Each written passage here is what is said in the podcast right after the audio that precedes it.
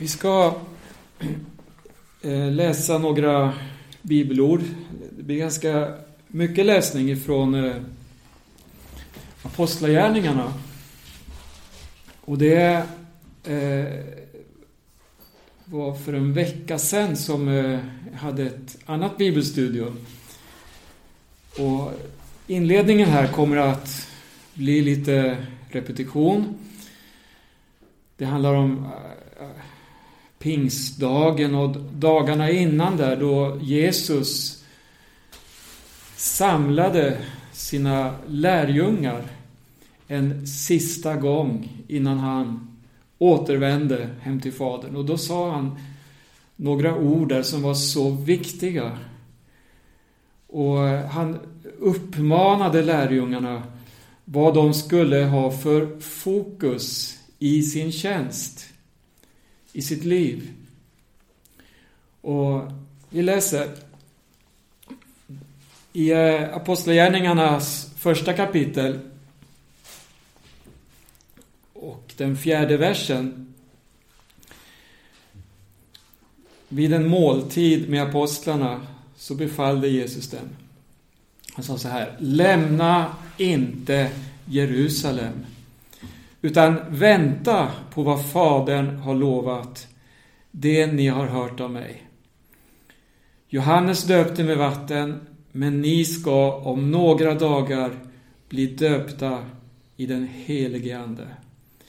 Det här var viktigt. Jesus sa, lämna inte Jerusalem, utan se till nu att ni, att ni väntar och får denna utrustning som ni så väl behöver. Annars är det risk att det går fel. Annars är det risk att det blir något helt annat än vad Gud har tänkt. Att det blir något intressant, något eh, speciellt som ni kanske kommer med då för att presentera för människor. Nej, här behövdes den helige Ande som en hjälp, som en vägledning, som en kraft för att förmedla, inte något eget, men det som kommer ifrån Gud. För det är det som vi har fått som uppdrag här i tiden, att förmedla eh, ett evangelium ifrån Gud. Halleluja. Och inte bara med ord, utan med, det står med ande och med kraft. Halleluja.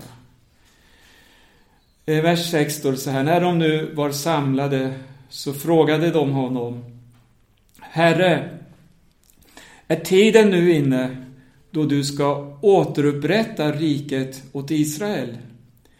Han svarade dem, det är inte er sak att veta vilka tider eller stunder som Fadern i sin makt har bestämt. Men när den helige Ande kommer över er ska ni få kraft och bli mina vittnen. I Jerusalem, i hela Judeen och Samarien och ända till jordens yttersta gräns. Det här var det sista Jesus sa. Framför sina lärjungar. Ni ska få kraft att bli mina vittnen.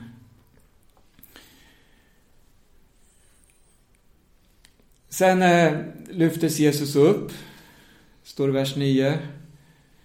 Ett moln tog honom ur deras åsyn och så stod de och såg mot himlen dit han steg upp. Och då fick man se två män i vita kläder som sa så här i vers 11. Galileer, varför står ni och ser mot himlen?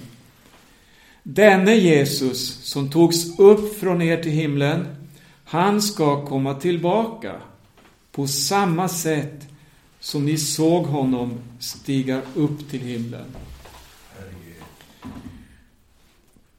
Halleluja. Det var viktigt.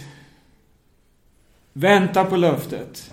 Vänta på andeuppfyllelsen. Men det fanns också med det här hoppet.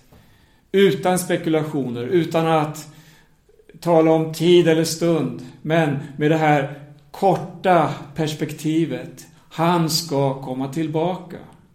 Så lev i den helige Ande. Sök den helige Andes kraft. Och lev i detta hoppet om att han kommer. När hans tid är inne, då kommer han tillbaka. I den tid som Fadern har bestämt. Halleluja. Då ska han, vår frälsare, komma tillbaka. Pris för Gud. Det gick tio dagar efter det här. Lärjungarna, de eh, tog Jesus på orden och stannade i Jerusalem. De samlades och bad. Man var samlade i en sal. Och det står så här i andra kapitlet, den första versen. När pingstdagen kom var de alla samlade. Vi ska fokusera på det här som handlar om alla. Då hördes plötsligt från himlen ett dån som när en våldsam storm drar fram och det fyllde hela huset där de satt. Tungor som av eld visade sig för dem och fördelade sig och satte sig på var och en av dem. Alla uppfylldes av den helige Ande och började tala främmande språk allt eftersom Anden ingav dem att tala. Hela skaran alltså, alla fick den här utrustningen. Det var inte några få som skulle stå där istället för de andra. De hade haft Jesus mitt ibland sig. Jesus, som hade lyssnat till honom. Han var där som deras stora lärare, som deras herde. Och han gick före och han var mycket speciell. Men nu så fanns inte Jesus fysiskt ibland dem. Men den helige Ande var utgjuten och de blev döpta i Anden. Och så står det att alla blev uppfyllda av Anden. Eller vi kan säga att alla blev ett tempel för den helige Ande. En boning. Gud bor i var och en och manifesterar sig på det här sättet genom den helige Ande. Och det här ledde ju till att många människor kom till tro. Det blev en enorm uppståndelse i Jerusalem den här dagen. Inte på grund av lärjungarna, inte på grund av att man var intressanta på något sätt, men man hade nu blivit ett tempel åt den helige Ande och fått detta budskap att förmedla. Och man gjorde det med inspiration och med träffsäkerhet. Så att människorna som lyssnade, de kände ett styng i sina hjärtan. Halleluja. Det var ett profetiskt budskap. Det var ett budskap som eh, uppenbarade saker och ting som gjorde att de som lyssnade var överbevisade. Och precis denna Andens kraft behöver vi fortfarande idag.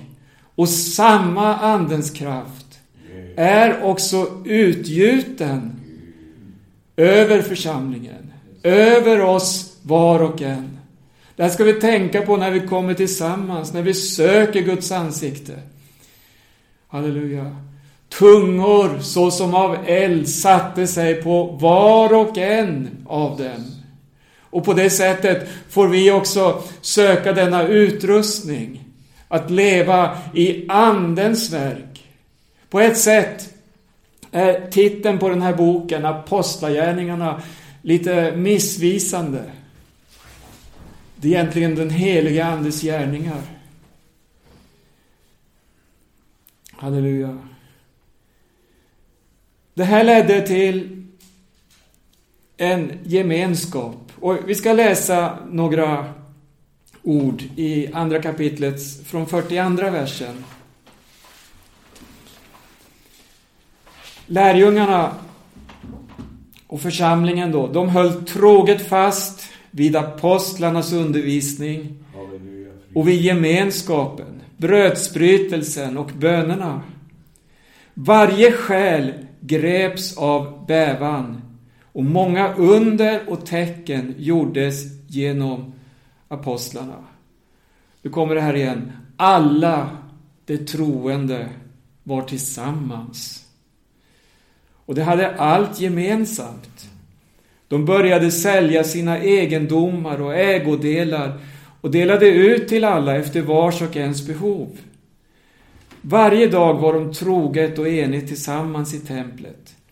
Och i hemmen bröt de bröd och delade måltid med varandra i jublande, innerlig glädje. Pris för Gud. De prisade Gud och var omtyckta av hela folket.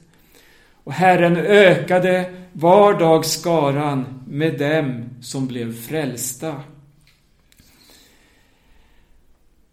Det, det, det, är en sån dynamik när man läser om den urkristna församlingens tid.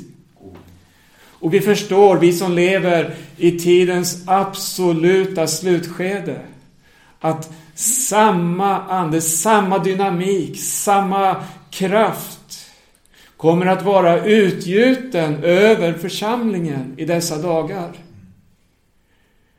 Samma kraftgärningar. Människor behöver få se, människor behöver få möta detta att Gud är densamme och han är den som kan bryta syndens bojor. Han är den som kan upprätta en människa. Han är den som kan förvandla och göra så att människan blir en ny skapelse. Befriad från mycket av det som plågar människan idag. Ångest, oro.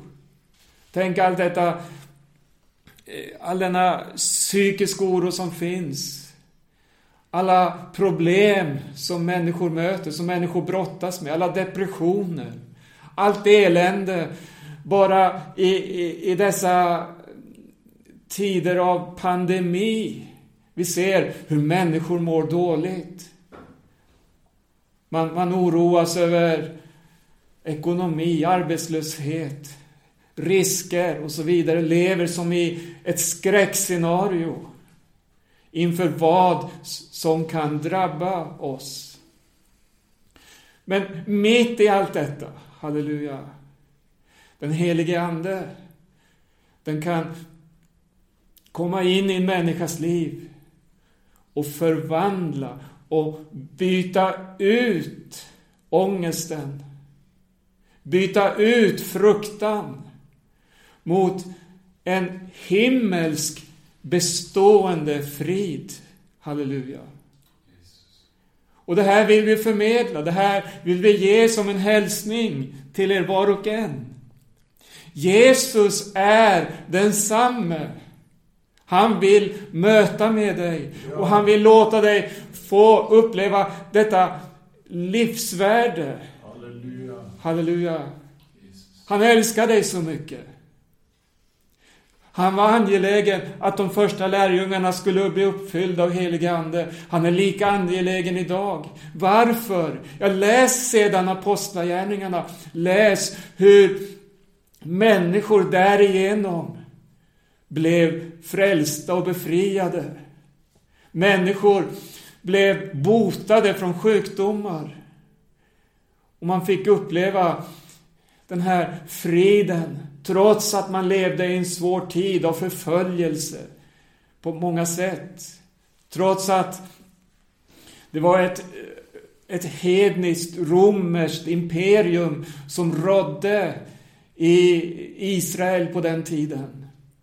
Så vet vi de svårigheter som det förde med sig. Bibeln lär oss. Det betydde egentligen ingenting. För man hade fått frid i hjärtat. Man hade fått möta Jesus. Vi, ska läsa en, en eh, passus här. Eh, det står i fjärde kapitlet från den 23 versen så här.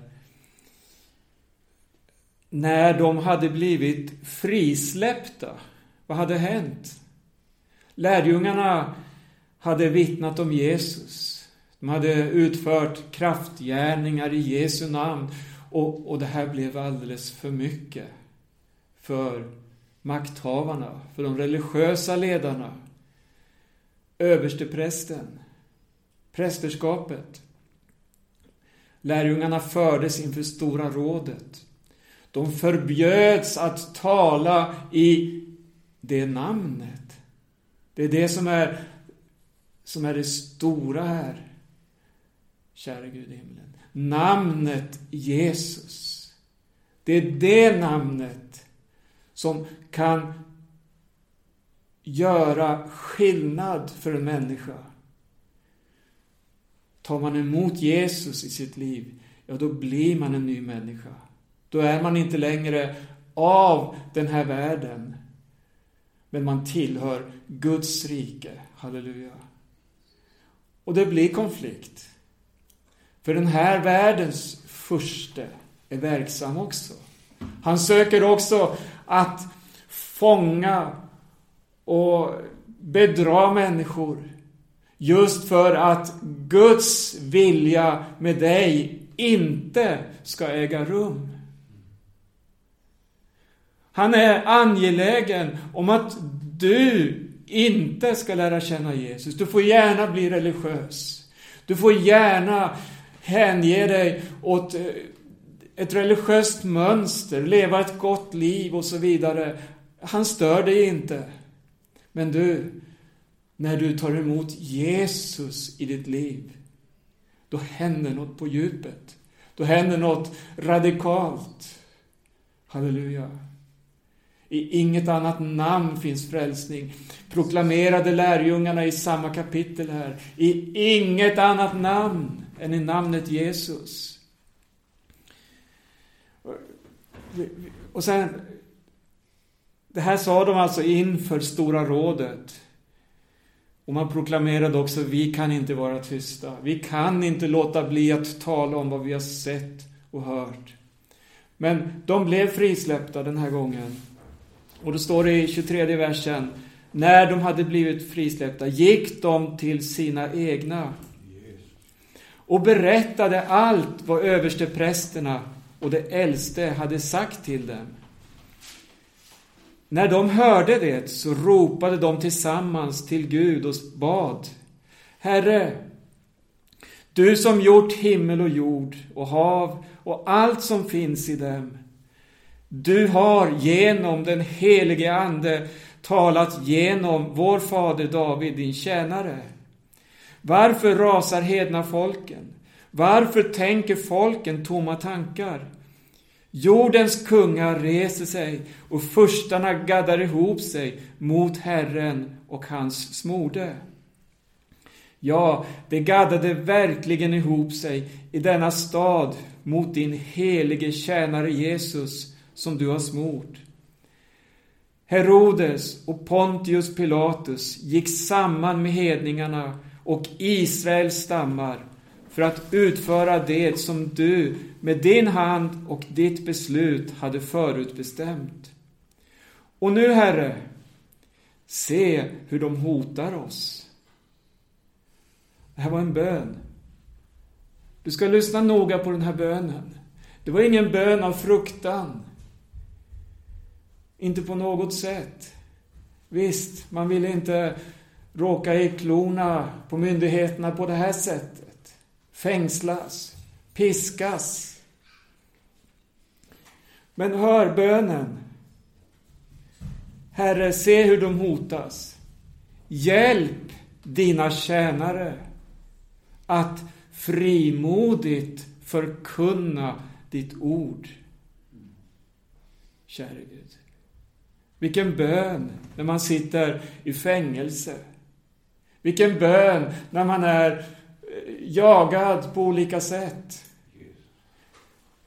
Tänk på när församlingen sedermera eh, eh, skingrades, från Jerusalem på grund av en svår förföljelse som utbröt. Vad hände då? Dukar man under? Nej, man drog omkring och förkunnade evangelium. Hur är detta möjligt? Man var ett tempel för den helige Ande. Gud bodde i hjärtat. Man hade fått frimodighet och kraft att vittna. Och där man drog fram så såg vi den helige Andes gärningar. Halleluja. Människor blev överbevisade. Människor fick se under och tecken. Människor fick möta evangelium i vardagen. Pris för Gud. Hjälp dina tjänare att frimodigt förkunna ditt ord genom att du räcker ut din hand och låter helande tecken och under ske genom din helige tjänare Jesu namn.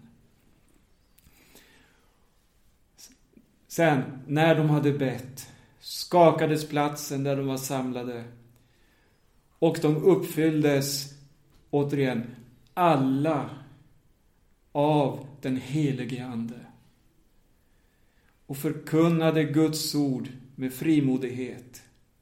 Och hela skaran av dem som kommit till tro var ett hjärta och en själ.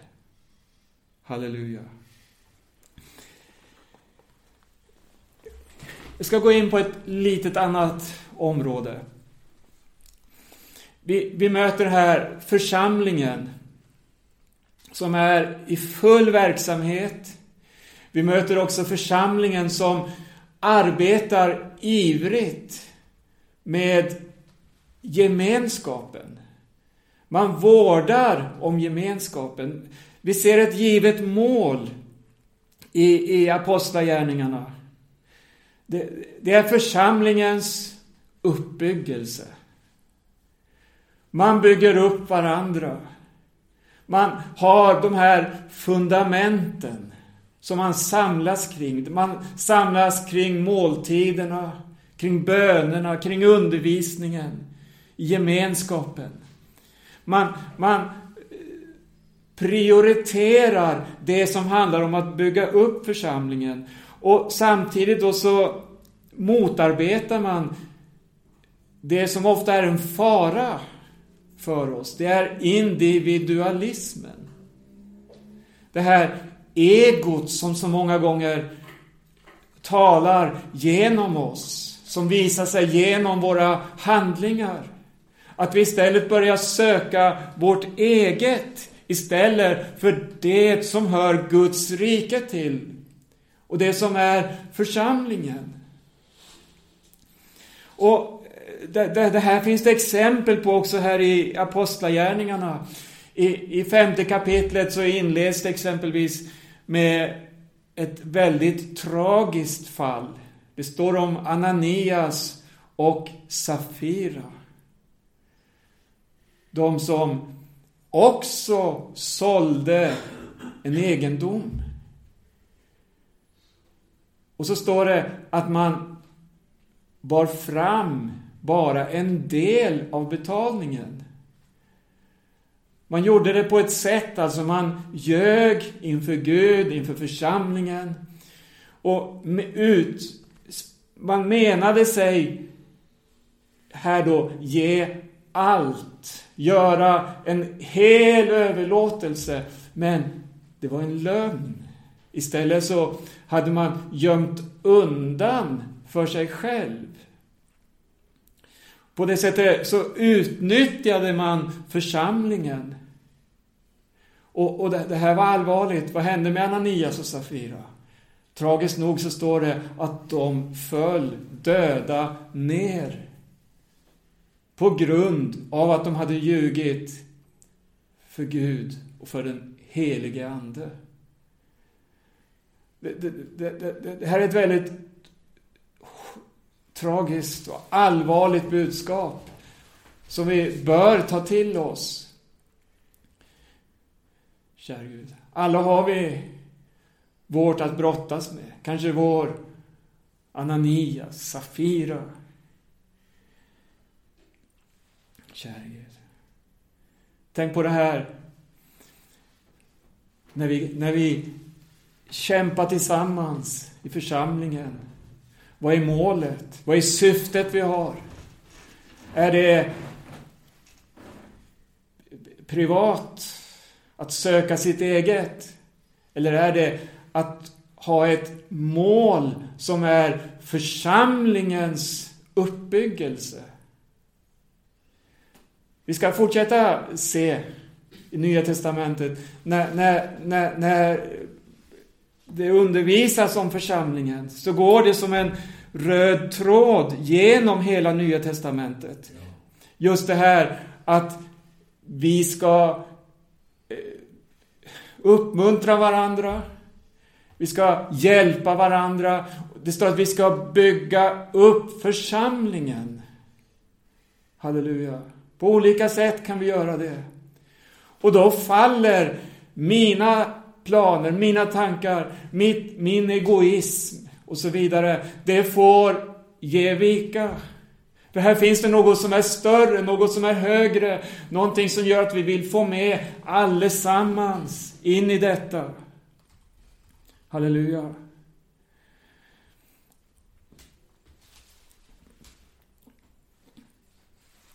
Det står om Barnabas i, i, i eh, Apostlagärningarna. Han var verkligen en, vad ska vi säga, en andlig fader som visade omsorg. Vi kan läsa om hans uppsökande verksamhet, hur han tog sig an Paulus exempelvis, när han var nyfrälst. Och hur han sedan också sökte upp Paulus i Tarsus. På ett oerhört gripande sätt kan vi följa honom. Han visar en omsorg vi ser hur han tar sig an också Markus. Denne yngling som också gick igenom en svår prövning i sitt liv. Paulus hade svårt då de skulle ut på sin andra missionsresa. Han hade svårt att de skulle ta med sig Markus igen, som en gång hade övergivit dem. Men Barnabas, han tar Markus ställning och tar sig an honom på ett sätt så att vägarna skiljs tillfälligt åt för Paulus och Barnabas. Det blev en tvist. Men det fanns en faderlig omsorg hos Barnabas. En, en sådan omsorg behöver vi också ibland oss.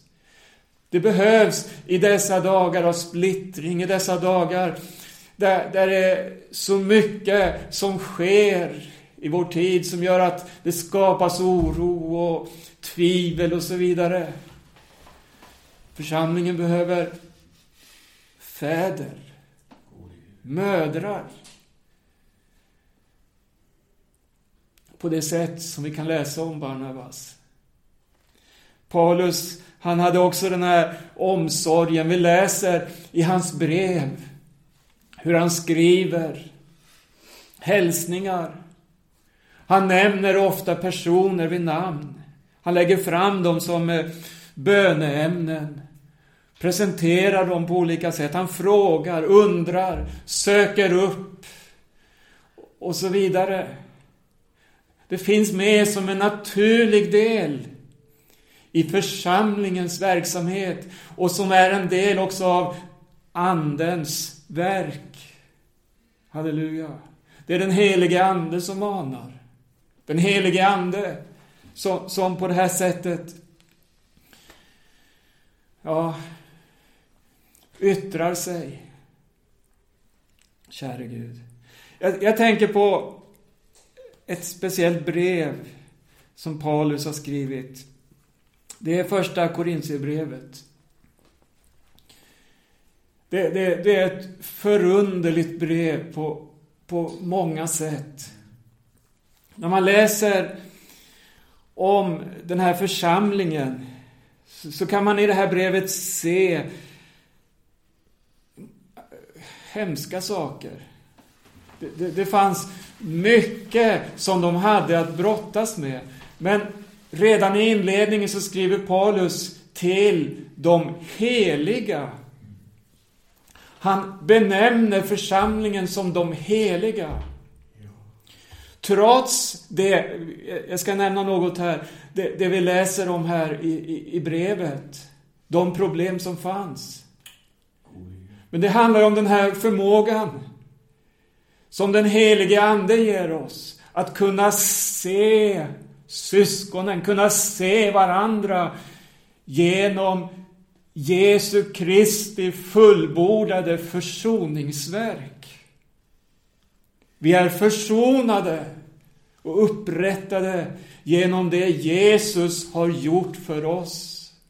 Halleluja. Han bar vår synd. Han tog våra plågor. Han bar allt i sin kropp. Och vi är nya skapelser i honom. Pris för Gud. I första Korinthierbrevet 1 och 10 så, så, så kan vi läsa om att det fanns splittring i församlingen. Jag ska ta några exempel ur det här brevet.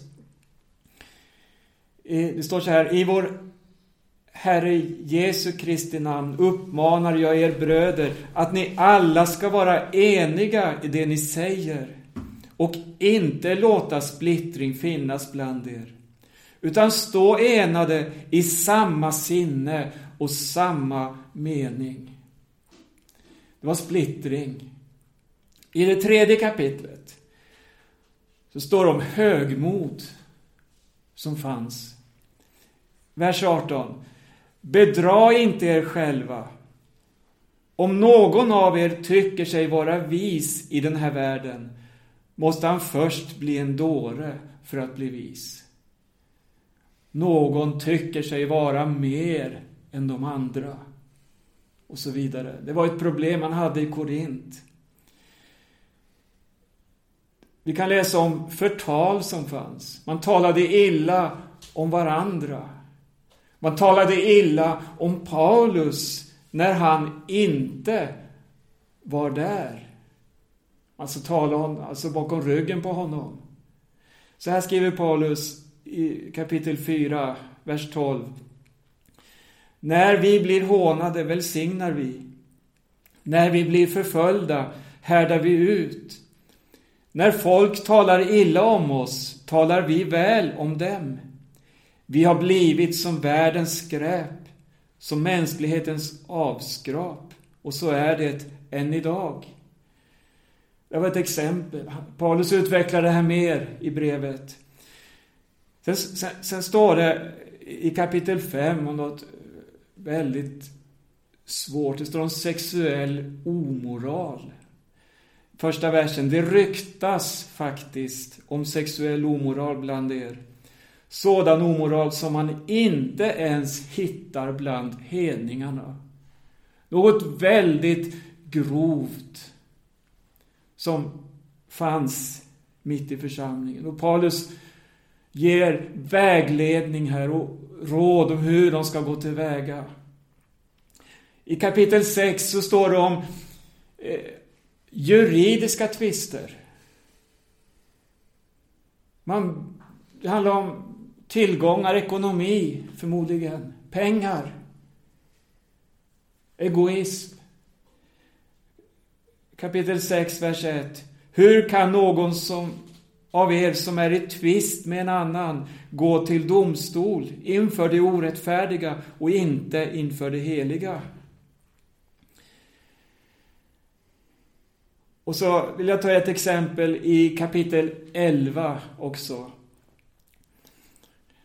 Här, här, här, möter vi något faktiskt av det som Nya Testamentet varnar för om och om igen. Det handlar om ekonomi, egoism, att sko sig på andra, att fastna i materialismen. Det står så här i kapitel 11, vers 20. Men när ni samlas går det inte att fira Herrens måltid. Här var det något så allvarligt som man kunde inte fira Herrens måltid. För när ni äter tar var och en genast för sig av sin egen mat. Den ene är hungrig, den andra berusad. Jag ska inte ta tid att utveckla det här nu. Men det var allvarliga problem som fanns i församlingen i Korint. Och vilket tillvägagångssätt hade då Paulus för att möta de här svårigheterna? Och då ska vi gå tillbaka till det andra kapitlet. Och se. För det här är en gudomlig princip. Det här visar på en kraft som finns i den helige Ande. Som gör att allt detta motstånd som finns, alla dessa låsningar som kan finnas, de bryts ner. Om vi möts på rätt nivå, på rätt grund.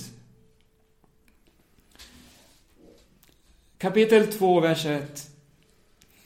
När jag kom till er bröder var det inte med stor vältalighet eller vishet som jag predikade Guds hemlighet för er. Jag hade nämligen bestämt mig för att inte veta av något annat hos er än Jesus Kristus och honom som korsfäst. Svag, rädd och mycket orolig kom jag till er. Hör.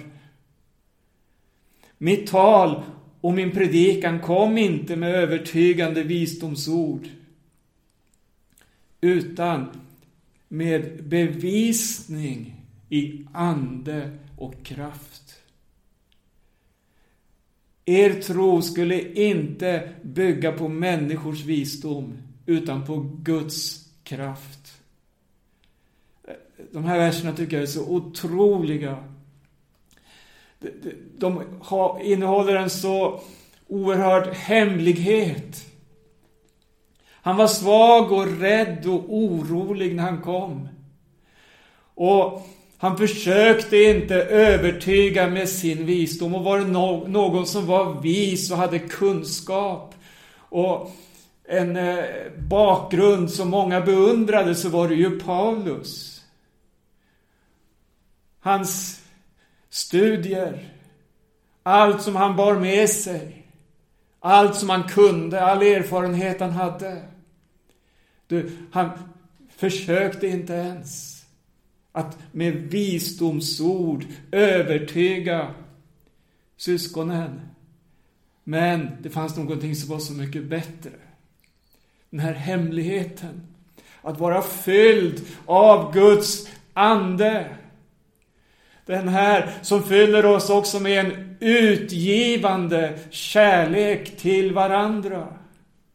En utgivande kärlek som inte söker sitt, men som söker nästans bästa. Halleluja, en bevisning i ande och kraft. När jag läste den här versen, det var som att tala till mig på ett väldigt konkret sätt. Gode Gud, vi ska inte försöka i oss själva. Vi ska inte försöka att presentera med vår visdom. Utan Herre, fyll oss med din Ande. Fyll oss med din kraft, Herre. Fyll oss med denna kärlek till varandra, till människor. Så att vi med din visdom och din kraft kan vara med att bygga upp församlingen, bygga upp varandra, uppmuntra varandra så att ingen går under efter vägen.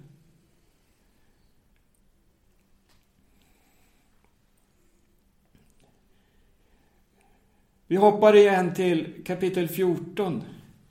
Bra bit framåt. Jag ska bara läsa kort här. Vers 12. Vi ser att kapitel 12, 13, 14 ska du läsa tillsammans. Gör det. Det står om Andens gåvor, om tjänsten, om profetiska gåvan som Gud ger, hur viktig den är. Och så står det kärlekens lov som, som binder samman det här budskapet. Halleluja. Det som består, halleluja, och störst halleluja. bland det som består, vad är det? Det är kärleken, halleluja.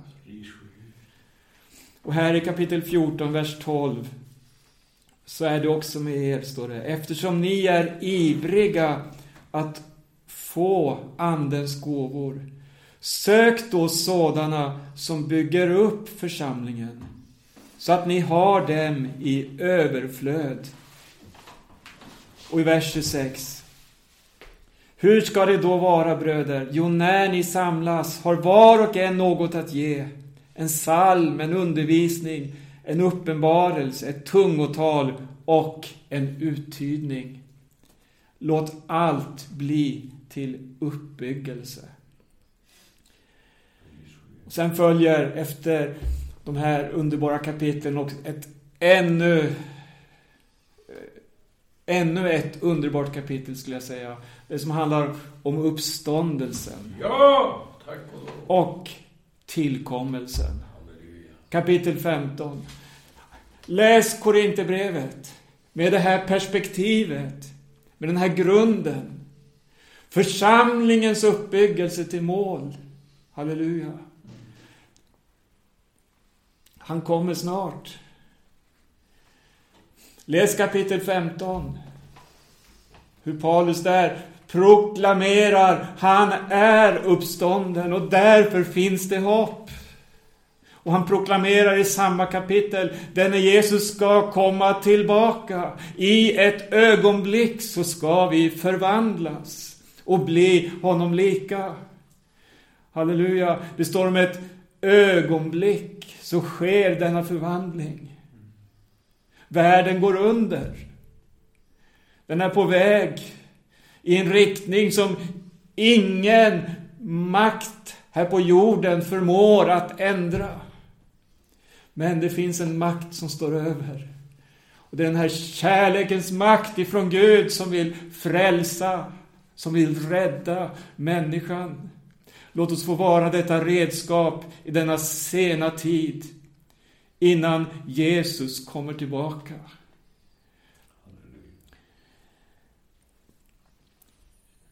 Jag ska avsluta där med att säga att jag har ytterligare ett möte som jag gärna vill ha om det här. Det finns en bit ifrån Gamla Testamentet som jag vill binda samman det här med, som ger oss ännu mer stabilitet i de här tankarna. Men be Herren att han utrustar dig med sin helige Ande. Amen. Amen.